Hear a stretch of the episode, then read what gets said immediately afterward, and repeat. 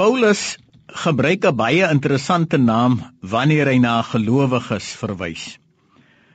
In 2 Korintiërs 5 vers 20 noem hy ons die ambassadeurs van Jesus.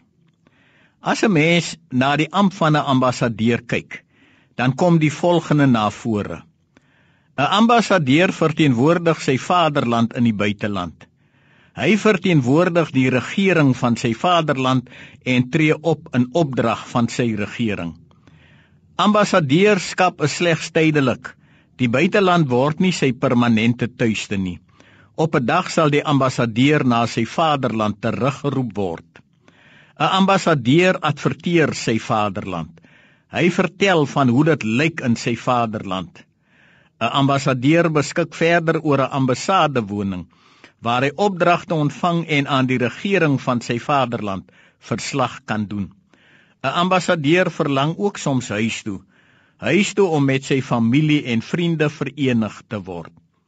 Ambassadeurs van Christus, so word daar oor elke volgeling van die Here Jesus geskryf. Hier waar ons woon, bevind ons ons in die buiteland en hier moet ons optree as God se verteenwoordigers. Paulus sê onomwonde dat ons burgerskap in die hemel is. Ons verteenwoordig koning Jesus in dit wat ons doen en in dit wat ons sê. Die vraag is egter of ons genoeg met mense praat oor die wonder van ons vaderland. Vertel ons van die stad met strate van goud en mure van edelgesteentes. Vertel ons dat almal welkom is om burgerskap van ons vaderland te aanvaar.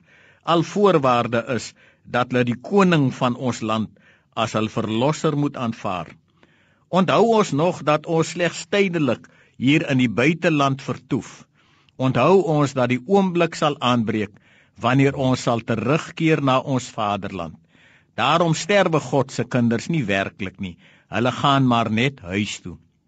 Ons het 'n ambassade woning waar ons koning sy opdragte aan ons gee en waar ons met hom kan praat oor die eise van ambassadeurskap. Daardie ambassade woning is ons se binnekamers.